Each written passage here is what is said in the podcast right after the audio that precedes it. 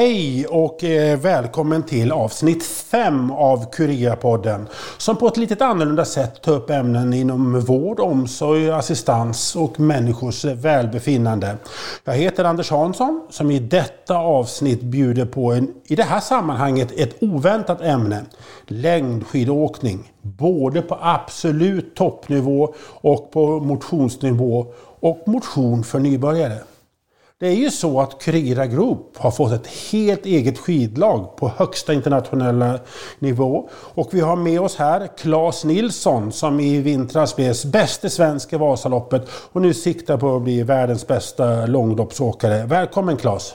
Tjena, tack, tack, tack. Du sitter eh, på en länk uppe i Norrland. Var är du någonstans nu? Eh, jag är hemma i Skellefteå ja. i Västerbotten. Har ni fått snö? Eh, nej, vi har fått i oktober, men all snö smälte bort. Ja, du längtar efter snön eh, förstår jag va? Ja, precis. Men det ser faktiskt ut som att det är på gång, kanske imorgon redan. Ja. Sen ja. har vi, vi har ett spår med sparad snö på 1,6 kilometer som har gått att åka i två veckor ungefär. Åka nio mil på 1,6 kilometer, det, det, det blir tufft, eller hur? Va? ja, det, det är lite segt. Jag ska säga också att i studion har vi ytterligare en gäst. Hon heter Ulrika Jonsback som är kundansvarig inom Lystra personlig assistans. Ulrika, du åker inte skidor själv men är säkert den mest skidintresserade personen som jag mött eh, och inom hela koncernen Helt säkert. Och det är få som följer skidor som du Ulrika. Jag, jag önskar dig välkommen också till hit så att säga. Tack så mycket. Ulrika, varför är skidåkning så intressant att följa? För du åker ju inte skidor själv. Eh, nej, jag åkte jättemycket skidor när jag var yngre och tävlade och så. Men eh, nej, det blev inte av så mycket mer med det tyvärr. Det ångrar jag idag. Eh, men alltså skidor är bland det roligaste som finns. Alltså det är ju så spännande och ja, herregud ja. Berätta om ditt skidintresse, hur det ser ut. Oj, ja. Eh, när det är skidor på TV så slår jag av telefonen typ och det finns ingen som kan störa mig då. Alltså det skrämmer livet ur barnen med alla mina gap och skrik och hej.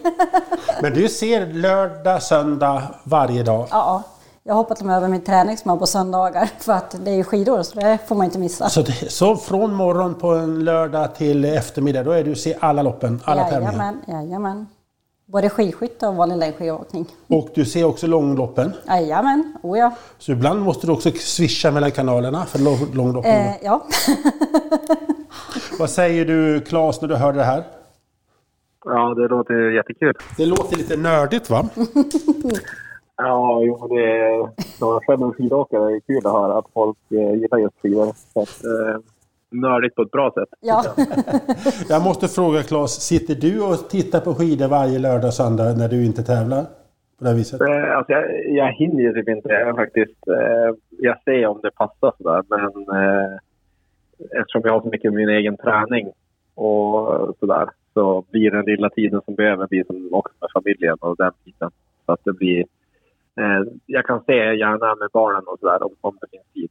Eh, men sen är det ju oftast alltså att vi tävlar själva också. Eh, men då ser man ju lite grann sen efteråt om man kan.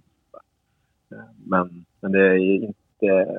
Ja, det är just tiden som begränsar Ja, jag förstår. Du, har ju också, du ska ju bli bäst själv också. Men det, det är väl ganska skönt för dig som aktiv skidåkare att det finns sådana som Ulrika lite runt om i landet som har stenkoll på vad ni gör, eller hur? Ja, det är jättekul. Det är jättekul. Och det är väldigt kul också att de säger att de ser långloppen också. Att de inte bara ser... Vi är inte med på Vinterstudion just nu, i eh, Classics. Eh, så det ser jättemånga. Och sen över hela världen ser många långloppen också. Men i Sverige är det lite mindre än Vinterstudion. Så det är kul att höra att du ser även långloppen. Absolut. Du Rika, vad är det som gör det så spännande att följa ett långlopp? För det här är ju timme ut och timme in och, och de åker. Vad, vad är det som är intressant för dig där? Ja, men det kan hända mycket saker där också, fast det är långlopp. Absolut. Det, men det är intressant. Ja, jag, jag vet inte. Det, det, ja, jag älskar det. Och det är inte bara Marcialonga som det handlar om, då, då, eller Vasaloppet, utan det är Marcialonga och, och... Ja, ja, ja, jag tycker det är jättekul. Alltså det, det är så spännande. Har du tänkt på, Claes, att eh, nästa år går ju TV-avtalet ut med eh, världscupen och SVT. Att, de signalerar mm. redan nu att långloppen kan bli en del av det ordinarie SVT-utbudet. Vad säger du om det? Ja, det skulle vara jätte, alltså för oss skulle det vara jättebra. Eh, jag har ju också jag har hört bara att det där att, det ska, att de ska tappa världscupen. Men sen har jag inte hört något mer, så jag bara tänkt tanken själv att då skulle de ta igen långloppet. Eh, det tycker jag. För att i Norge då sänder de ju Ski Classics på NRK som är deras eh, största ja, mm. folkliga mm. tv. Mm. Motsvarigheten till SVT. Och det skulle vara jättebra för oss som gick på SVT och Vinterstudion. Vi skulle nå ut till fler. För det är många som inte är som sådär superintresserade av skidor som också kollar på Vinterstudion och mm. kan börja gilla skidor därför. Så det skulle mm. vara kul om vi hamnar där också. Det tror jag skulle vara bra. Mm. Sen gillar jag ju eh, våra lopp sänds ju ofta på Eurosport och Vacki som är kommentator där är ju riktigt bra. Så han är ju svår att ersätta kanske. Är han Vacki, är han eh, bättre än Mattias Svahn att kommentera? Nu är jag känslig fråga, jag vet det, men... Eh, jo, jo, men det, jo, men det tycker jag ändå. Mattias Svahn är bättre på att åka skidor själv kanske. Men Vacki, alltså han är, han är nog vassast av, av dem alla tycker jag. Vilken är bäst tycker du Ulrika?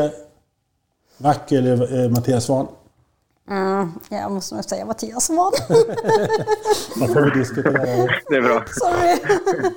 jag kan väl säga så här, jag har ju två funktionsnedsatta utvecklingsstörda pojkar och för dem är det stora TV-nöjet att titta på gamla Vasalopp från flera år tillbaka. Liksom det, det, har man sysselsättningsproblem i dessa coronatider, det är bara att sätta ett lopp på ett lopp på TV på Youtube från 2014 så är de, har dagen räddad. Så att säga. Jag förstår inte hur man kan vara intresserad av att sitta så länge om man men de tycker det är häftigt. Men jag brukar säga det här att, att se långlopp på TV det är också en naturupplevelse. Ungefär som Tour de France. Att man ser hur naturen skiftar och man är på ett annat sätt än tidigare. Håller du med mig om det? Eh, både Claes och Rika, vad säger ni om den tanken?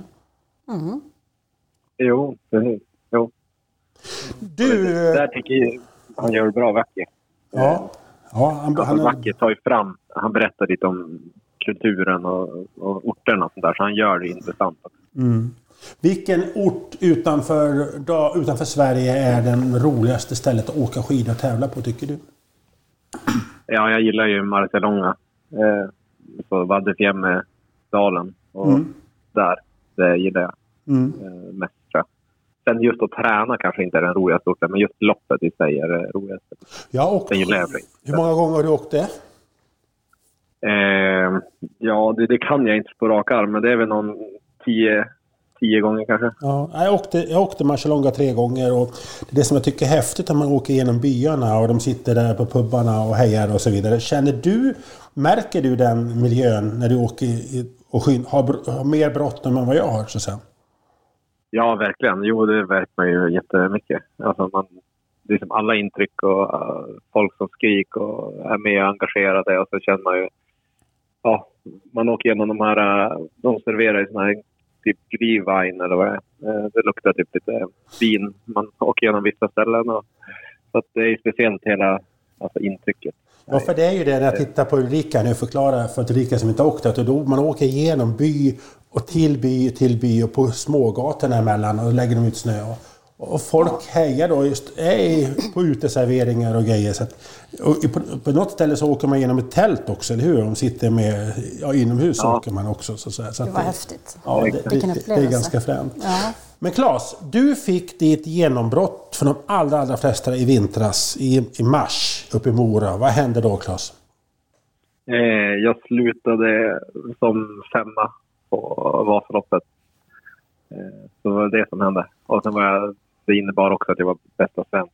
Ja, för det var väl liksom grejen, att du var bästa svensk på något sätt? Ja, jo, kanske inte kanske för mig personligen. Jag tänker som inte att jag tävlar inom Sverige, alltså att det är någon sån egen klass. Så, så det är något som jag tänkte efteråt. När jag hörde att du var bästa svenska. Jo, det, det var jag i och för sig, om man tänker så. Men just när jag körde så tänkte jag inte på, på just det. Men sen har liksom det blivit en grej också. Klart. Mm, mm. Vi kanske ska ta upp det här för lyssnarna och för, förklara varför vi är nu i ett skidavsnitt i en Kurira-podd. För det, det är helt konstigt egentligen. Men det är ju så att du åkte i fjol för ett lag som heter Team Ingne som idag heter Team Curira, eller hur? Exakt. Exakt. Och eh, hur kommer det sig att vi heter Team Curira? Kan du berätta det Claes? Ja, det, det har ju med att Curira blir vår eh, nya huvudsponsor för teamet. Ja. Eh, och, och sen har det ju även med våran kopplingen med vår gamla sponsor och sådär med Mattias som är, som är inblandad i Curira och den biten. Mattias Blomberg då som äger advokatbyrån eh, Ingne advokatbyrå och är styrelseordförande i Curira Group, eller hur? Om jag stämmer det va? Precis, precis. Jag tror exakt. Jag tror så. Eh, vi snackar om skidnördar. Eh, vi har Ulrika här. Har vi en till i Mattias Blomberg? Ja, jo det, det har vi verkligen. Det har vi. På vilket sätt är han det? Ja, nej, men han är väldigt engagerad i oss också, att vi ska kunna lyckas. Alltså, han har ju haft ett eget skinintresse när han har tävlat på ganska hög nivå för att vara alltså, elitmotionär och varit... Bara efter några år så var han 400 på Vasaloppet tror jag. Ja, 485 sen, tror jag det var. Ja, ja. Mm. ja, sen har han väl inte riktigt hunnit med sin egen skidåkning för han har gjort så mycket annat. Men då har han ju lagt sitt krut på oss istället, att vi ska få bra förutsättningar att satsa. Eh, och det har han ju verkligen alltså, sett till. Så att ett genuint intresse för att hjälpa eh, andra då, som är, som är vi i nuläget. Så att det är riktigt kul. Så han är lite unik på det viset att kan man inte bli bäst i världen på skidåkning så själv så kan man hjälpa andra till att bli det? Eller, eller kan man så man kan sammanfatta det? Ja, precis. Jo, nej, jag har aldrig träffat någon som är så engagerad och hjälper andra. Just med min skidåkning. Jag har inte varit med i något äh, juniorlandslag eller landslag så, och fått den här riktiga satsningen. Och det är svårt att kanske komma in i ett eh, etablerat stort långloppslag. Och det är också ganska svårt att göra de resultaten eh, när man är yngre och inte har de resurserna. Så att, eh, att Mattias har gått in med sånt engagemang till oss har ju betytt allt för att vi ska kunna nå dit. Och för att förklara för de som inte hänger med riktigt att i långlopp så är det inte, åker man inte för sin klubb utan man åker för lag, ungefär som cykel och så vidare som är sponsrade lag som Team Bakery och lite sådana lag 157. Utan, eller hur? Det är det liksom... Mm, det är exakt, företag som sponsrar jo. olika skidlag så att säga. Ja, man, man tävlar i team och man är ganska engagerad i teamet också. När man tävlar så tävlar man inte bara för sig själv utan man tänker även på hela teamet. Eh, så att man blir väldigt, eh, varje lag sådär, alltså man, blir, man får väldigt tillhörighet inom laget. I klubbarna blir det ganska splittrat när några är med i landslaget och kör de till landslaget och sen klubbarna bara på vissa tävlingar. Så här. Men vi åker ju de största tävlingarna för teamet och vi tränar med teamet. Vi har träningsläger varje månad eh, och träffas och tränar och så tävlar vi varje helg på vintern. Och varje team kan bestå av åkare från olika länder också? Ja, precis. Det kan det göra. Vi har just nu bara svenska, men vi har haft någon norska med förut och någon italienska. Men just nu är det bara svenska. Och varje team har tjejer och killar också? Att det är tjejer också kan åka samma? Ja, exakt. Precis. precis. I det här Team Curira som det heter, det består av, förutom du Claes, eh, kan du berätta vilka andra det är? Eh, det är jag och sen är det Niklas Henriksson och Johan Lövgren. Eh, och sen är det, har vi två nya jätteunga tjejer som är med. Eh, som Elin Henriksson och Saga Nilsson. Eh, och de är som framtidshopp eh, för, ja, för oss. Då. Men både Johan och Niklas har varit med ett tag. Eh, sådär. Så att nu på Vasaloppet var vi, alla, bland killarna var vi topp 20. Mm. Alla tre då. Men du säger att Saga och Elin, det är några som ska kunna utmana på sikt och bli riktigt, riktigt bra i Ja, exakt. Mm. De tillhör väl de bästa i sin ålder nu. Mm. Eh, men de är ju juniorer fortfarande. Så att de är, de är lite yngre. Vi återkommer lite om det här med funktionerna i laget. Men det, det, det, ju, det finns ju en konservativ del inom skidsporten som har ifrågasatt om eh, det här, är det här rätt? Ska man inte åka för sin klubb och så vidare när man har fått sin skidutrustning, ut, uppfostran? Jag måste fråga Ulrika då som eh, hänger med här. Vad tycker du Ulrika om det här med att de åker i team och lag och sådär? Jag tycker det är bra. Alltså, varför inte? Varför ska man åka för en klubb? Man kan vara ett team tillsammans, tänker jag. Eh, jag tror man får mer ut, utav det. Ekonomiskt bland annat? Ja, det också. Är du en modernare falangen inom, inom skidsporten som, som kan se det här? Så att säga, den biten? Ja, man måste väl modernisera sig lite grann. Ja, ja, ja. ja. Det är helt enkelt att, att det kan ge eh, åkarna bättre ekonomiska möjligheter att klara sig om man åker team istället för en, en klubb så att säga. Ja, det tror jag. Det tror jag. Men det, man tar inte bort själen inom sporten? Mm. Nej, det tror jag inte. Själen finns väl där i alla fall, tror jag. Alltså, det gör den. Vad säger du Claes när du hör henne? Du har en, du har en person på din sida. Ja, precis. Nej, men det låter bra. Nej, men det är väl så. Klubbarna har ju sitt syfte kvar såklart. Och det är ungdomar och sådär satsning och barn och ungdomar och framöver. Men det är, det är ganska tungt för klubbarna också att bära elitsatsning. Så att, eh, att de slipper ta den biten eh, som kostar mycket pengar men ändå kan ha kvar åkarna i klubbarna är en win-win situation. De får ju otroligt mycket Eh, ja, men som nu fick ju Skellefteå XC, som är min klubb i Skellefteå, fick ju vara bästa av de svenska klubbarna på Vasaloppet när jag var bästa svensk. Och det hade ju inte de klarat av ekonomiskt att hjälpa mig till om jag inte hade kunnat åka för teamet. Och så mm. Vi ska att, eh, återkomma till dig varför du, hur din väg till att bli bäst i världen ser ut. Och det är ganska spännande saker. Men när vi mm. säger Team Curira som det är ju framförallt flera medarbetare inom Curira Group här nu eh, som lyssnar på det här och känner stolthet eller för det man gör. Och så plötsligt kommer man in några skidåkare in i verksamheten. Claes, vad vet du om Curira? Har du tagit reda på vad är det vi håller på med?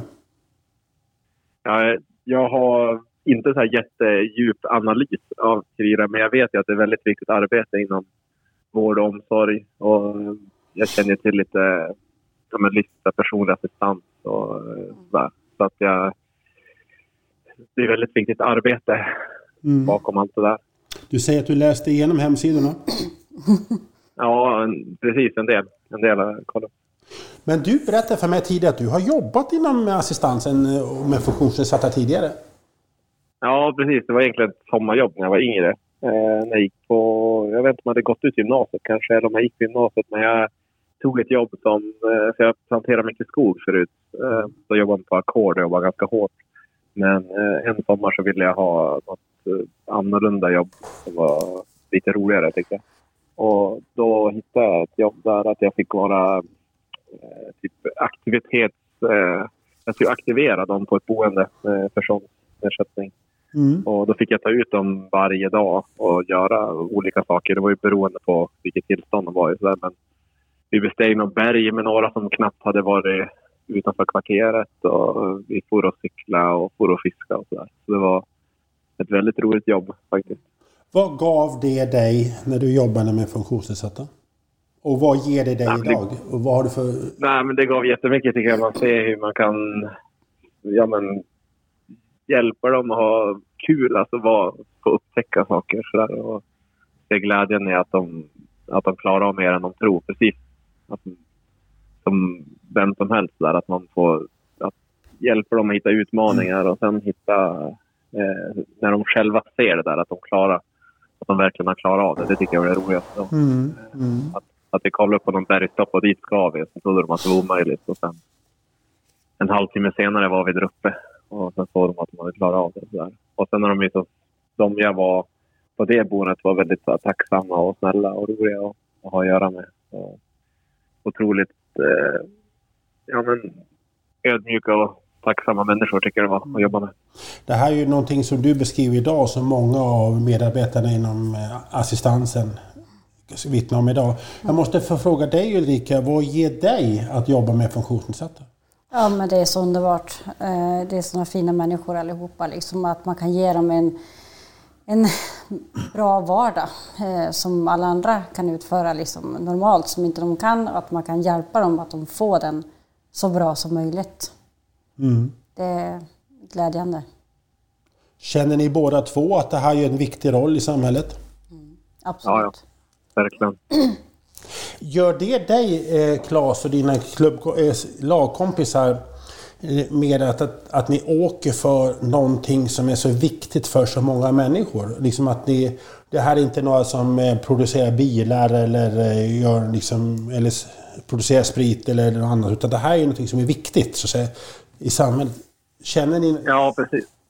Precis. Jo, nej, men det är jättekul att man får representera ett företag med bra värderingar som, som vi delar alla i teamet också. Så, så det, känns, det känns att man blir... Man kan åka med stolthet när man åker med Curira-dräkten. Mm. Ja. Känn-. För det handlar ju lite om sponsring, det handlar lite om etik och moral också, eller hur? Att man tänker vad det är Ja, sponsras av för någonting och så vidare. Mm, precis, precis. Har du några värderingar kring det själv? Vad du, finns det någonting du säger, nej det här vill jag inte, eller har du någon gång sagt att jag vill inte bli sponsrad av er? Ehm, Charlotte ja, Kalla har till exempel ofta- spelbolag, säger hon att... Ja, exakt. Precis. Precis, det ska jag kunna hålla med om också. Sen har jag ofta fått söka mina sponsorer själv aktivt. Utan det kanske inte varit jätteofta där jag blivit erbjuden av Mm. stora företag med begränsade, ja, som man har kunnat frågasätta deras värderingar. Sådär. Men jag har inte aktivt gått och sökt mig till, till tobaksbolag och, och spelbolag och den biten. Eh, Mm. Mm. Men det här kändes det bra, att det här måste varit skönt att, på det viset att det är någonting du kan stå för och tala om. Så att. Ja, verkligen. Verkligen precis. Det är klockrent. Har du fått några frågor inom skidbranschen? Vad, vad är det här för någonting? Vad är Kuriren? Ja, jo, jättemånga frågade nu i början för att det, när vi bytte så där. Så att det, så har man ju fått förklara en del vad det är. Så där. Och, ja, okej. Ja, de, de tycker det låter intressant. Ja, de, tar, tar de till sig det och lyssnar vad det är för någonting och så vidare? Att det, det, Ja, jo, jo, det gör de ju. De är ganska intresserade. Så, Mm. att, det, det gör de det är många som har någon släkting eller någon anhörig som har eh, inom funktionsnedsatt och så vidare som behöver hjälp med assistans. Ulrika, vad tänkte du när du har några skidåkare som ska åka för Kuriren? Vad tänkte du då? Ja, vi satt väl på tåget till Göteborg, eller vad var det? När jag ropade rakt ut. Titta! Jag såg det på Instagram. De bara, nu har de ändrat om från Inge till Kurira. Jag kan vittna om det, för jag satt bredvid Ulrika och hon skrek ut så det hördes i halva kupén. Liksom att, eh, att, eller hur Ulrika? Ja, Och liksom, eh, och det var, var nere förbi Skövde någonstans i Ja. slättlandet där det började skrika och långlopp på Kuriren. Så, att, så att det, det kändes kul. Så att ja, ja, skitkul rakt ut sagt. Och nu ska vi följa då Klas väg till att bli bäst i världen. För att eh, du gjorde så bra Vasalopp i fjol, men du tar flera ytterligare steg i din satsning just nu. Kan du berätta lite hur det ser ut? Lite kortfattat. Ja, jag åker skidor nu på heltid i princip. Jag sålde mitt företag i våras. Eh, och sen har jag tagit hjälp av Wolfgang Pitchler som tränare nu också. Mm. Så det är ju träning varje dag förutom en dag i veckan jag är ledig. Eh, så det, det är ganska hårt. Alltså mycket, mycket träning såklart. Och sen försöker man anpassa. Det är en demontränare, som, det är en demontränare som har hjälpt många skidåkare, skidskyttar framförallt, till att bli bäst i världen, eller hur? Va? Som Magdalena Forsberg. Ja. Du Ulrika, du hade lite frågor till eh, Claes om just det här med Pitchler. Vad, Ja, alltså man har ju hört mycket om honom. Eh, så. Att han är väldigt hård och sträng. Är det, stämmer det eller? Eh, ja, alltså det är både och. Alltså han är ju... Alltså träningen är hård i sig. Men sen som person vet jag inte. Alltså det, han är ju... Han brinner ju verkligen för att hjälpa de man tar sig an. Ja. Eh, sen är det väl så att ska man träna under han så ska man ju köpa hans koncept. Eh, så det har jag gjort. Ja, Eh, men annars har jag ju aldrig haft någon som tränare som varit så engagerad som han. Eh, och det gör ju att man säger upp. Alltså tycker att han är en väldigt snäll person som är så engagerad och bryr sig om typ exakt, det är inte att man gör träningen sådär utan han, han kollar verkligen upp och följer upp och sådär och ringer ofta och mejlar. Så, ja, för eh, det men sen är det ju hård träning. Där. Ja, för det som jag har förstått är att han är ju väldigt känslosam person, har man ju hört och sett själv på TV också, att han är väldigt känslosam så.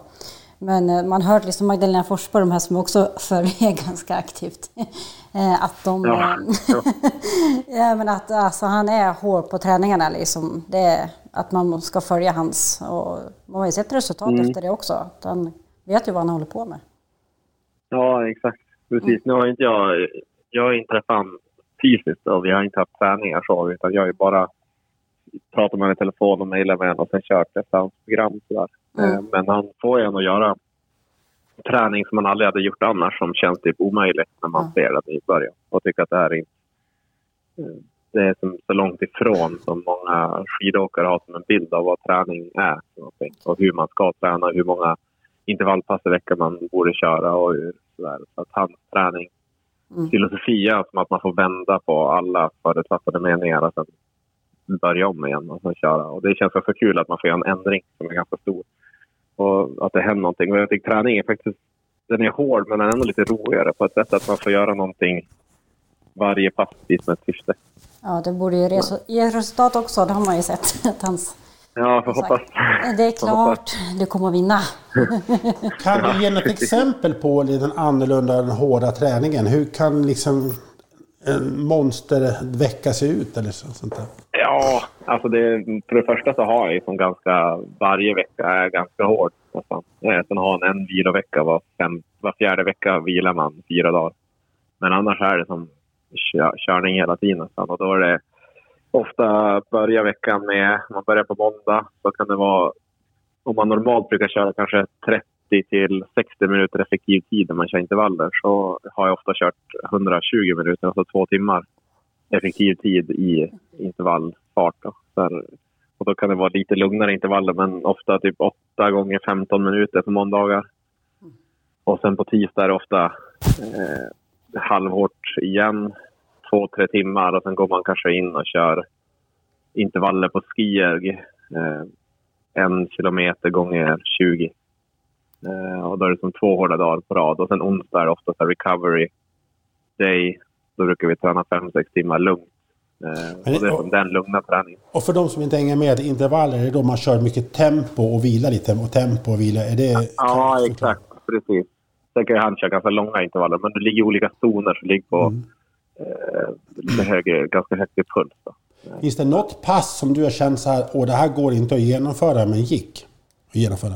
Ja, nästan varje pass tycker jag. Så, nästan, att det är ofta att man får gå in med mindsetet att det, ja, men det kommer att gå. Så här. Och sen ofta kan det vara att man tvivlar på det efter halva passet, att det kommer inte gå. Men sen lyckas man som ändå försöka och sen kan det gå. Så det har hänt i varje vecka att det är så. så att det, Du berättar om, några, du berättar om intervallpass på flera mil runt den här kilometerslingan på skidor eh, nyligen, att du höll på hur länge sedan? Ja, precis. Jo, jag körde förra veckan. Körde, jag- då hade jag så 10 kilometers intervaller gånger 5. Eh, lite lägre tempo än eh, typ 85 procent av maxpuls ungefär ska jag ligga på. Eh, och det blir fem mil totalt, alltså 10, 10 kilometer gånger 5. Eh, och det är en lite så här, det är längre fast lite lugnare på ja, med 85 procent. Och sen kan det ofta följas upp av dagen efter det där. Då körde jag riktigt hårt, på typ eh, åtta stycken sex minuter eh, så hårt jag kunde. Körde du alltså, tio, körde du alltså fem gånger 10 kilometer på en, en kilometers slinga då? Ja, precis. 1,6 är den. Ja, exakt. Vad tänker man då i huvudet? Ja, nej, men det går ändå ganska bra. Man försöker... Man har liksom fullt upp för att försöka köra så efter att man ska köra den intensitet man ska. Man vill liksom genomföra passet. Så att det är som ett syfte med det passet. Så det är nästan enklare att man kör hårt än att man ligger och kör tre timmar lugnt bara. Så. Men 10 Man har- kilometer på 1,6 kilometer, 5 gånger 10. Eh, Ulrika, har du lust att bli skidåkare på världsnivå? Jag har tänkt på några år tidigare så kanske. Vad säger din familj? För du har ju fru och barn. Hur många barn har du? Mm, Hur många barn har du? tre, tre barn har jag. Vad säger de pappa när hon åker 5 gånger 10 på 1,6 kilometer? Vad säger de om, om pappa? ja, de vet, de vet kanske inte, de vet inte riktigt vad jag gör alltid. De vet att jag ska träna mycket. Sådär. Eh, och så. Och frun då? Ja, jo, det ibland är det ju tufft att jag ska iväg. Så där, man har ju, det kanske skulle vara lättare för vissa att förstå om man hade 8 till 5 jobb. Så där. Men jag tränar ju ofta lördagar också. Eh, Så man vilar ju som bara en dag i veckan. Så det är inte så att man har en hel helg att vara ledig på. Så att det är ju tufft ibland såklart. Man får försöka eh, kompromissa ihop vardagen. Så att man har ju barnaktiviteter också. Emil som är sex nu, han har ju spelar hockey två gånger i veckan och sen har något någon så här tennis, innebandy och simning och dans. Så det är ganska mycket. så att det, Ingen av barn som åker skidor? jo, jo, han åker också skidor, men han är inte i någon klubb just nu. Sådär. Men han, eh, jag har inte tagit med dem på den här 1,6 kilometern än. Nej. För det har, jag tänker att de får, vi kommer ändå få bättre förhållanden sen och det är bättre att de får åka skidor när det är fint, Ja. fina förhållanden. Ja, det är rätt. De var ju att, bästa eh, tränarna i alla fall. Ja, för du får inte Ja. avslöja hur tokig du är för barnen heller. hur? Nej, precis. precis. Du, eh, och Wolfgang Pichler råkade ut för en allvarlig olycka i höstas. Och det var ju väldigt illa rubriker. Han var låg vid koma ett tag och så vidare. Och jag vet att det är folk som frågar hur mår han idag? Ja, nej men nu verkar han må ganska bra, säger han i alla fall. Eh, och han är ju, ah, han är väl inte fullt återställd där, men han, eh, han är ändå ganska pigg verkar det som och varit ute och gått i naturen och så där, tagit någon promenader och sådär. Och han är ju lika aktiv i alla fall med tränarbiten nu. Så det var ju ett tag det var tyst från honom såklart när han råkade ut för det där och man var ju lite orolig hur det skulle gå. Men inte helt oväntat så kändes det som att han kom tillbaka ändå. Där. Sen hade han väl ganska tur tror jag med alla omständigheter. Men hur fungerar det, men hur fungerar det att ha tränare som inte man träffat? Alltså du har alltså inte träffat din tränare än. Det är lite speciellt. Man är ju van med att man har den här personliga relationen. Ja, jag har typ aldrig haft någon tränare på plats någon gång. Så det här är ganska standard för mig faktiskt. Okej. Eh, det var när jag var liten någon gång man hade någon skidtränare. Ja, i och för sig när jag gick skidgymnasiet hade man en tränare också. Eh, så. Mm. Men det är ganska vanligt inom både cykel och skidor tror jag att man har en tränare. Så kanske man har en teamtränare som man träffar på läger va? men man inte träffar mellan lägren. Eh, sådär. Men det funkar ganska bra för man ska ändå genomföra det man ska genomföra. Man kan mäta mycket med puls och olika saker och så, här, så man kan se, eh, se vilken belastning man kör på. Mm. Så det, jag tycker ändå det funkar. Han följer bra. din klocka. Du, du skickar över dina värden ner till honom så att säga. När han sitter i Tyskland. Ja, precis. Jo, exakt. Jag skickar varje dag. Det har jag kört. Han sitter, han sitter alltså, i, för de som inte förstår, i nere i Ruhpolding i södra Tyskland sitter han och kollar upp dig, så att säga. Eller hur? då? På det viset. Precis. Ja, exakt. exakt. Du, hur jobbar du vidare för att bli bäst i världen nu då? Hur, hur, det är inte bara Wolfgang. Du, måste, du har väl ett helt paket med träningsåtgärder, eller hur? Va?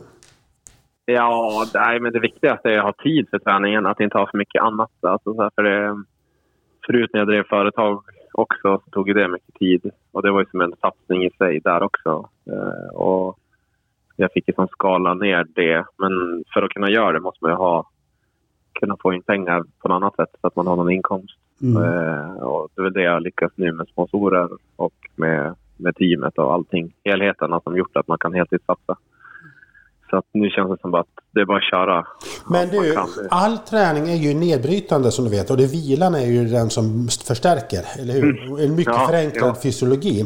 Hur orolig är Ja. du att du ska bli skadad här nu och att det ska, vad heter det... För att tränar man mycket så kan det gå över gränsen, du kan bli övertränad och så vidare. Har du koll på det? Ja. Ja, jo, jo det har, jag har ganska bra koll. Jag är fysioterapeut också. Eh, Du är har- det, du är det själv? Ja. mhm. Ja, exakt. Och sen har man ju ganska många års erfarenhet nu. Men det gäller att vara lite vaksam i stakningar ute i bryggen. Man behöver lite koll på. Behöver lite, eh, köra mycket rörlighet och köra mycket Mm. styrka för att kunna hålla ihop. Men annars, just överbelastning och överträning tror jag är lite överdrivet. Det är ganska få tror jag som har blivit övertränade. Alltså, jag tror, eh, typ underträning.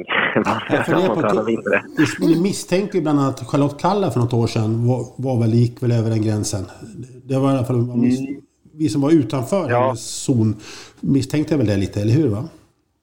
Ja, jag har jättedålig koll på det. Eh, Jag vet inte. Sen, du vet, det, det kan alltid vara så att du inte träffar rätt, att man tränar hårt och att man inte riktigt får till det. Sådär. Men det är kanske inte alltid att man tränar för mycket, men det kan vara att man tränar fel sätt eller att man inte riktigt... Men man måste ju, för att bli bättre, måste man ju ligga på den gränsen. Man kan ju som inte ligga på säkerhetsnivå, för då utvecklas man inte heller. Jag måste fråga dig... Mm. Jag måste fråga dig Ulrika, är det risk för överträning med dig? Absolut. Kanske i ögonen och munnen måste jag få skidor. Ja, jag menar det.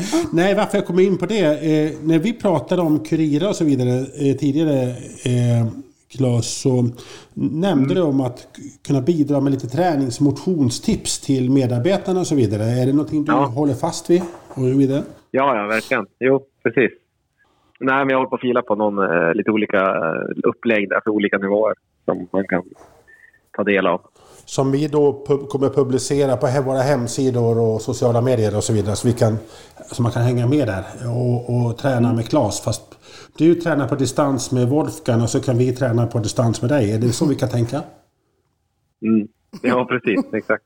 Vad, hur kommer de träningstipsen se ut? Måste man vara vältränad för att kunna hänga med dig i det här? Eller hur, hur är det tänkt?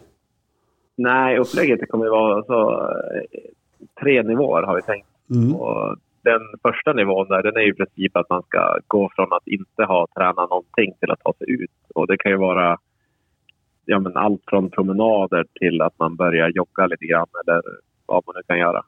Mm. Eh, så det är som det steget. Först brukar vara som ett steg att man ska ja, men ta sig bara iväg. Eh, då kanske man börjar köpa några grejer, köpa löparskor eller köpa träningskläder. Eh, alltså den nivån. Att man bara ska ha förutsättningar för att kunna börja motionera. Mm. Eh, och sen kanske en gång i veckan eller något sånt där. Och sen en annan nivå som är lite mer, kanske en till två gånger i veckan. Eh, om man vill eh, köra ja, lite mer då. Och sen mm. en tredje nivå som är lite mer. Och då, den nivån är väl alltifrån två, tre gånger i veckan till, till väldigt mycket. Då. Eh, så, där. så att då kan man ju, den passar ju ganska många olika eh, personer. Eh, så vi, jag tänker att man kan försöka hitta en, en nivå för alla.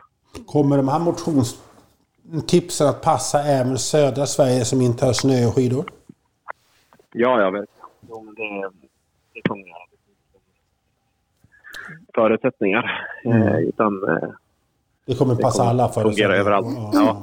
Kommer det vara något mål? Att kommer man kunna sätta upp mål med sin träning beroende på vilken nivå man väljer?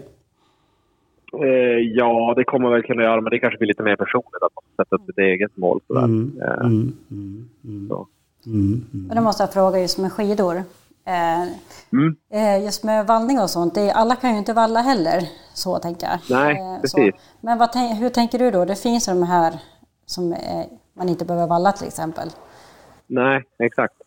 Nej, men de, är ju, de senaste som har kommit, de här skinskidorna med stighud under, är faktiskt väldigt bra. Mm. Och jag brukar, jag åker ganska lite klassiskt nu, men ibland så kör jag, alltså klassiskt med fäste. Mm. Så kör jag med såna här skinskidor och det, det funkar jättebra. Eh, ja. Så det är något man verkligen kan rekommendera om man vill åka lite skidor och med fäste då. Ta ja. sig ut. Så, alltså det är, ja, men jag sålde min sportbutik nu i våras, min webbutik. Och det vi sålde fysiskt i butiken när folk kom in och ville ha skidor så var det ju alltså klart mest sådana skidor. Om det inte var skate eller typ jättedyra stakskidor ja. som de skulle tävla med på ganska hög nivå. Precis. Men som nybörjare då van... räcker det bra med skintech egentligen? Så. Ja, verk, verkligen. Mm. Det gäller att hitta rätt skidor så det gäller att kolla med ja. eh, de man köper och att det blir, det blir rätt. Mm. Och då, då köper man på plats, man köper inte på postorder direkt då eller? Norrsport.se födelsereklamer, de jag, ja. den butiken jag, som jag har sålt. Eh, där tar vi ut skidorna. Alltså vikten är inte personlig. Utan vikten, har du bara din koll på din vikt då kan man ju, vi har ju en maskin man kan mäta. Mm. Ehm, och, så då mäter man. Så att det är viktigt att ha experter som gör det, alltså de som kan verkligen. Mm. Och, så den, den, lokala butiken, är det en duktig lokal butik så funkar det bra. Men kollar man på nätet har man ju större urval att hitta de som är mm. experter. Mm. Så att det är inte fel att köpa på nätet heller. Det funkar. Men det gäller att köpa med de som har koll. Mm. Eh, såklart. Annars får man, får man fel skidor så kan det gå tungt, att de, att de ligger i och suger eller att man inte får något fäste alls. Ja, för förr så hade de ju såna här klister man kunde sätta på själv, kommer jag ihåg. Eh, eh, ja. Och de var ju inte så bra, för de blev ju tvärstopp. ja, exakt. Precis. Men det här är faktiskt... Eh, alltså, många blir förvånade hur bra det funkar, vad man hittar rätt skidor. Så det funkar det väldigt bra. Ja, det är bra att veta. Alltså, är du sugen? Ja, det... Kommer du hänga på något av de här motionstipsen? Jag har ju sagt varje år att nu jag ska ta tag i skidorna igen. Men du kommer att hänga på ett av de här motionsprogrammen? Ja, ja, det kommer jag. Claes får bli min privata tränare. Ja, det är bra. Vilken nivå väljer du? Jag har ju börjat lite att träna för men skidorna de står kvar i affären än så att jag lär väl dit först. Men du tar spetsen på, av Curea-medarbetarna och hänger på ett av dem? här. Jajamän. Ja, det är bra. Det är bra.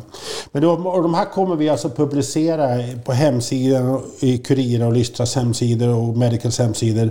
Och så lägger vi ut dem på sociala medier och så håller vi liksom jour om det här. Är det bra det, Claes? Ja, det låter jättebra. En bra plan. Och är det så så skulle vi kunna också, om du ville, att vi kunde ha en central mejladress som jag kan använda så kan man för, förmedla frågor till dig. Det skulle också gå bra om det är någon som har någon fråga. Mm, precis, jo, det ska funka. Jätte, Jättebra. Jättebra. Jag kom på en fråga Claes. Eh, Det här med fluorvallan som de pratar mycket om som de ska ta bort. Ja, Vad, vad anser du om den? Eh, ja, alltså det är ju, i- på lång sikt är det ju en bra sak såklart. Eh, men det har väl gått lite fort nu med att de ska ta bort... Eh, nu vart det ju, de avbröt ju den processen Mm. precis. Mm. Men det gick väl lite väl fort för att det, man måste ju först ha ett testsystem för hur man ska kunna åka utan att det upptäcks att man har, eller att man har fluor eller inte. Mm. Och då måste man ju först ha testsystemet innan man kan sätta en sån regel tycker jag. För annars blir det ju samma sak som doping. Precis. Att, man kan, att det är till sätt att dopa sig på fast ett Ja, sätt som alla kan redan. Eh, Ja. sådär. Så att, men på lång sikt är det nog bra. Men sen tror jag, om man kollar världsligt hur lite skidsporten släpper ut fluor så är det ju ingenting mot klädindustrin och alla andra industrier. Eh, så skidorna är minimal. Så man använder ju bara fluor i princip när man tävlar. tävlar Så, ja. så att, men, men det är bra att, att det, det kommer säkert komma nya lösningar nu. Så att på lång sikt är det en bra sak. Ja, för jag såg att eh, svenska skidlandslaget skulle inte använda fluor i alla fall som jag förstod. Sist i alla fall. Ska de inte göra det? säger? Nej, som jag förstod så skulle de inte använda det ändå. Nej, det, det, ja, det tror jag då inte. Det tror jag inte. Det kanske Nej, ska se bra ut. det, det, Nej, precis. Nej, men jag tror inte att de kan våga ut och gå ut och säga det i sikte. Alltså, för de, eh, Men jag tror, de att, ju- eh, jag tror att Ulrika menar nog på att han har ett, eh, Petter Wilbäck som är Vallatränaren, chefen där, att har något önskemål och drivkraft att inte använda fluor. Jag tror att det är det som hans eh, är, eller hur? Det du menar Ulrika? liksom. Ja, jag tror det. Ja, för det stod någonting om det. Att de ville väl inte helst ha det. Så att, eh, Nej, nej, men så är det säkert att de inte vill helst ha det. Men sen är det ju svårt att undvika då när det är det snabbaste. Så är det än så länge. Men Kommer du använda fluor i år? ja, det kommer jag göra faktiskt. Det går inte att konkurrera annars. I läget där. Så Kommer du det- använda fluor Ulrika på dina skidor? tandflor. Jag jag skojar bara med dig. Ja. Eh. Nej, men jag kommer inte använda fluor på träning i alla fall. Det kommer jag inte göra. Det är bara på de här största, Ja. viktiga loppen. Det var så intressant på ditt, när ni åker, ni som är bäst åkare, att ni åker bara och stakar utan fäste. Det är, hur klarar ni av det? Alltså ni åker alltså i nio mil och bara stakar, i upp och ner för backar. Hur klarar ni av det? Ja. Nej, det är väl bara en träningsprocess, en teknik och träningssak. Eh, och vi tränar ju jättemycket stakning och man blir stark i det man gör. Och jämfört med tekniken som fanns eh, tillbaka i tiden, men 90-talet och ännu längre tillbaka, så stakar man ju på ett helt annat sätt. Och då, då var det ju såklart tuffare. Men nu har man ju utvecklat den biten. Så att, eh, nu är det ingenting man tänkt på direkt. Att det är någonting konstigt. Där. Nej. Eh, För, att det, det är, för ni åker ju inga längdtävlingar i, med di, klassisk stil numera. Utan, för det måste ni väl diagonala på vissa ställen? Va? Är det inte så att ni måste ha fästvallar? Ja, precis. Stakning är ju en del av den klassiska tekniken egentligen också. Men eh, det är ju vissa såna konstiga regler som har kommit in, som FIS har kommit in med i de här traditionella tävlingarna. Så att de har vissa zoner ibland att man måste diagonala. Typ så här. Jag tycker det är som förstör utvecklingen och förstör skidåkningen. Mm. Men eh, eh, sådär. Så det är lite synd, att det gör ju att vi som är ganska duktiga på långlopp inte lika lätt kan mäta oss med de här vanliga åkarna och se hur snabbt vi kan åka mot dem. För vi får ju som en nackdel om vi ska behöva göra någon låtsas diagonal i de där zonerna. Ulrika Jonback, du som är vår skidexpert här i det här avsnittet. Eh, vad säger du om det här med utveckling att man bara stakar och att en del tycker ju att det liksom ser konstigt ut. Vad tycker du själv? Nej, men alltså det är väl... Nej. Alltså det ser konstigt ut. Ja, men alltså det... Jag tycker det bara ser drygt ut för dem. jag är mest imponerad att ja, de klarar ja, men helt klart imponerad. Ja, det, det måste jag säga. Absolut. Vi kan ju starta själv och se hur långt vi orkar. Så att säga. Så, vintern som kommer nu. Eh, Ski Classic, det är namnet på långlopps, långloppscupen, eller hur? Mm, exakt. Och eh, den består ju av tävlingar runt om i landet, eh, uppe i världen. Kommer det bli tävlingar nu i dessa coronatider? Eh, ja, det är väl ingenting man kan vara helt säker på såklart, men de har ju en plan. De har ju ändrat planen. Från, från början skulle vi börja tävla 27 november i Italien med både lagtempo och individuell tävling. Och sen ett annat lopp i 19 december tror jag i Italien också. Båda de är flyttade, eller ändrade till dels andra orter och ändrade efter jul. Så nu ska vi börja i Schweiz runt den 16 januari någonting. Mm. Eh, och den tävlingen ligger också lite illa till eftersom Schweiz har såna här karantänregler just nu. Mm. Eh, men sen är det tre lopp i Italien. Det är Toblach, Cortina, Marcelonga och sen den här La Venosta som skulle ha gått i december. Och de tävlingarna hoppas vi verkligen att de blir. Är det det så att det Marcialonga är den näst finaste tävlingen att vinna? Eh, För vi förmodar att det är Vasaloppet man vill vinna, eller hur? Va? Och, och, Ja, precis. är Marcialonga den näst finaste att vinna av tävlingarna i cupen? Ja, jo, jo, men det är det nog. Det tycker jag verkligen också personligen. Det har varit ett lopp för mig i alla fall som jag ofta har velat. Som jag satsat på nästan lika hårt som Vasaloppet. Sådär. Man har som kört Barcelona först och sen har man kört en ny träning inför Vasan och som sadla om. Men Barcelona är verkligen en tävling. Det är alltså sju mil och de sista två kilometerna rakt upp för ett berg. Bara rakt upp. Är det inte så det är va? Ja, man åker in i en, in i en by. Ja. Man åker in lite så serpentinväg in Ja. till byn. Eh, Så det blir en ganska tuff avslutning. Och vi som är motionärer vi får valla om och lägga på festvallar men ni bara kör rakt upp Ja. och ner så att säga. Så att, eh, men är det det loppet man ska se? Om man ska se något annat långlopp förutom Vasaloppet. Är det det man, du, du rekommenderar att titta på på TV? Om det man ska titta på? Ja, men det är det nog kanske ändå. Precis. Eh, sen, sen gillar man det loppet och Vasan så tror jag man kommer gilla de andra loppen också.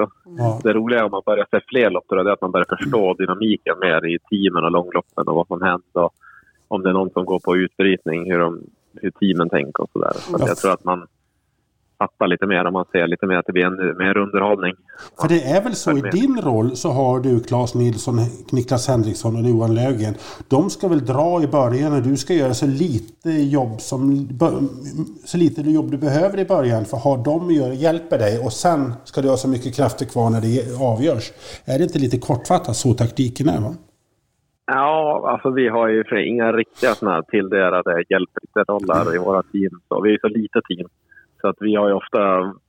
Vi känner att vi kanske inte har jättestort ansvar eh, som team. Att vi behöver gå och göra jobbet om det är någon som går på utbrytning.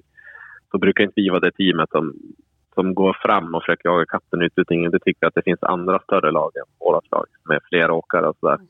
Så ofta kommer vi undan ganska bra med att eh, vi, ingen av oss behöver gå fram och göra det där jobbet. Eh, Okej. sådär.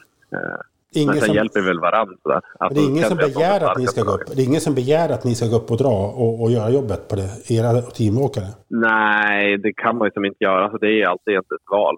Sådär. Det kan man ju begära inom teamen. Alltså att om man har Mm. sådana uttalanden hjälprytterrollar kan man ju ha. Att nu ska du gå fram och göra det här. Men vi har inga riktiga sådana roller i teamet just nu. Utan vi, det är mer att vi försöker hjälpa varandra. Och förra året när jag eh, kom loss eh, och började jaga täten i Vasan där med Gärdalen och vi var... Ja, men jag och Gärdalen jagade de som var... De, de som var utbrytning där.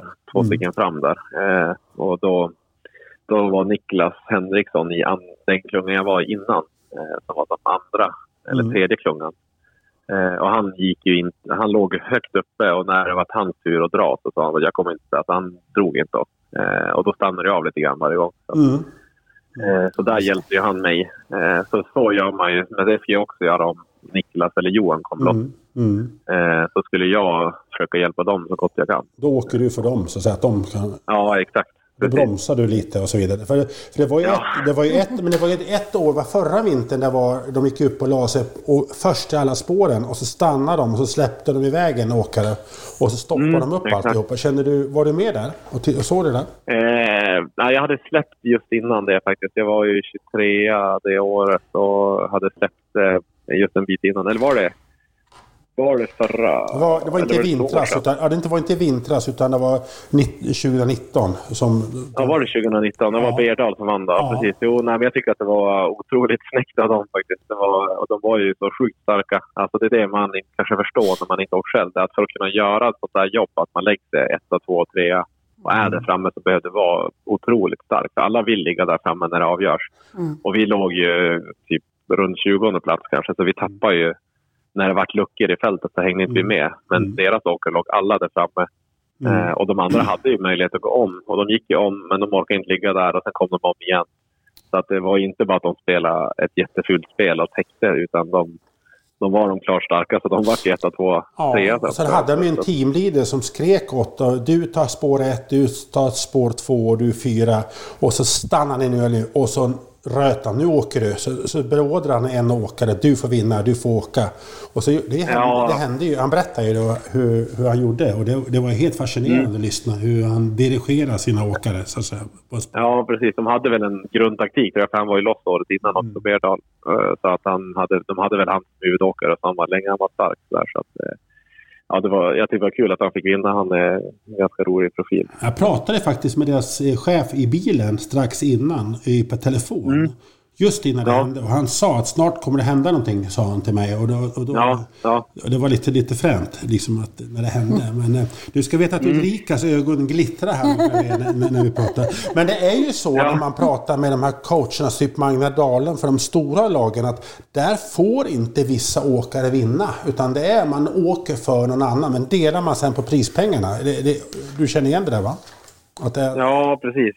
Så är det väl lite grann. Och sen är det väl ännu mer så i cykel tror jag än det är i skidor. Mm. Skidor är inte riktigt där än. Men, men vissa har ju uttalade roller i skidor nu också. Att man ska gå för vissa bergspris och sprintpoäng och hjälpa till sådär. Mm. Eh, Mm. Så, så är det.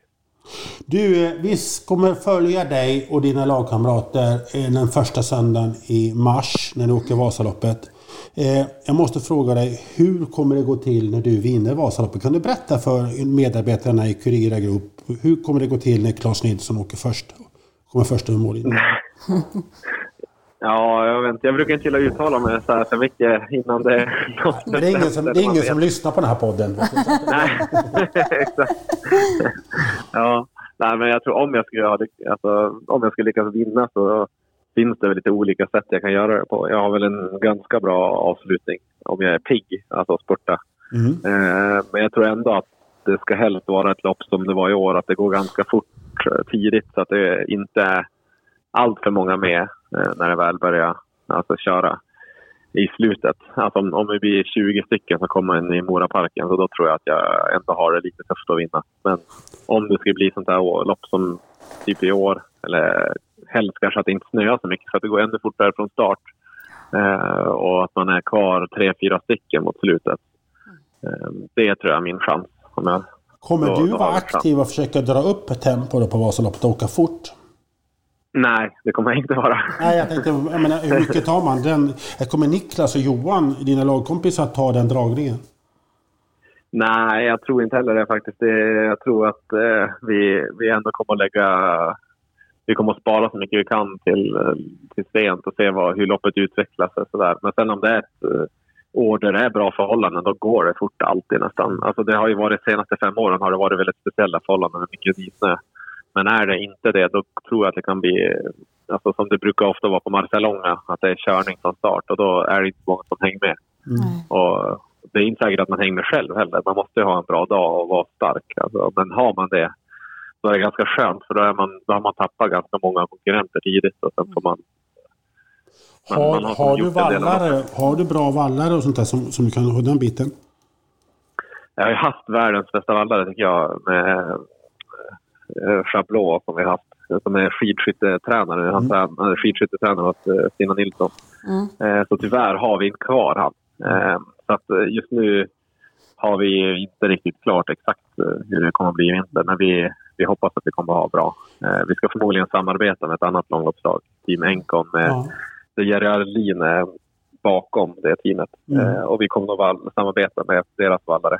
Hur många människor servar er under ett Vasalopp? Hur många som drick, langar dricka och åker emellan kontroller? Och så där? hur, hur stor är er servicegrupp? Ja, Vasaloppet är ju den, det lopp vi har klart med service på. Eh, och där har vi väl sex bilar tror jag. Eller fem eller sex bilar. Med ungefär två i varje bil. Mm. Så det är väl tolv personer kanske som hjälper oss. Sex gånger tolv då? Ja, nej. Eh, alltså två 12. stycken i varje ja, bil. Ja. Så att, eh, sex gånger två. Ja, just det. Tolv, ja. Mm. Eh, exakt. Så att det, det är ändå ganska många just på Vasaloppet. Men sen vissa andra lopp, då kan vi vara en serviceman och sen åker vi med såna drickarbälten mm. eh, med slang. Så då åker vi och byter sådana. Mm. Eh, så vi har haft ganska lite service på vissa lopp också. Det har också gått ganska bra. Men sen i Italien har vi på Marcelonga, där känner jag tre italienare som brukar hjälpa oss att serva. Och sen har vi kanske en egen ledare med. Man hjälper varandra också under den tiden? Och så, alltså man får hjälp av andra serviceteam och sådär, biten? Nej, inte jättemycket egentligen. Alltså det är tre som man inte har med något team att göra. Alltså italienare som jag känt som mm. privat, som jag lär känna där nere. Mm. Mm. Så det är sällan ändå vi samarbetar så mycket med andra team. Det är just nu vi ska samarbeta med Jerrys team här, mm. Enkon. Mm. mm. Eh, så det är ju bra när vi är två ändå lite mindre team mot de här största teamen, att vi kan samarbeta. Innan vi drar ihop det här, eh, det är ett coronavasalopp med, med ungefär 300 åkare max. Mm. Hur ställer du dig till det? Ja, nej, jag är väl tacksam att de kan hitta någon lösning eh, och jag hoppas verkligen att det blir av. Eh, och det, det är klart det skulle vara roligast att det var som vanligt, men nu när det är som det är så känns det som att det var en, det känns som en realistisk plan de har gjort eh, som jag tycker känns Mm. Det känns bra. Mm. Och för oss blir det ingen större skillnad nej. Eh, tävlingsmässigt. Nej, nej. Det avslutningsvis Ulrika, hur kommer det mm. gå för våran eh, Claes Nilsson och hans övriga kompisar i Team Kurira? Vad tror du? Ja, det var lättaste frågan hittills tror jag. det är klart de kommer att vinna. Klart ni gör Claes. Jag tror på er. Kommer, ja, du följa med, kommer du följa med Ulrika? Ja, det är synd bara att de inte hör mig om TV när jag, när jag skriker och hejar på er. Skulle du kunna tänka dig om det hade gått klart, du vet inte om du går nu för det är Corona, men att kunna åka upp och heja på, eh, är det en dröm att kunna vara med i spåret och se lite? Ja, men gud, jag har ju varit med i Vasaloppet innan och hjälpt till och delat ut dryck och sånt till elitåkarna. Så att, ja. Blir det lite stolt som medarbetare att, ja, ja, han, lite så, ja. om han vinner nu och så vidare? Ja, men det skulle vara så häftigt alltså. Ja, det skulle vara häftigt att vara där i så fall. Absolut. Ja. Det ska vara en upplevelse. Mm. Vi får väl tussa ihop en gång sen får vi ta emot. Ja. det, är väl du, det är väl du Ulrika och Mattias Blomberg som kommer att dansa ja. på bordet, eller hur? Liksom. Absolut. Ja, Med det önskar jag Claes eh, önskar jag lycka till i vinter. Och, du får hälsa Niklas, Johan, Saga och Elin också på det viset. Mm. Absolut. Stort ja, lycka till till alla. Tack, alla.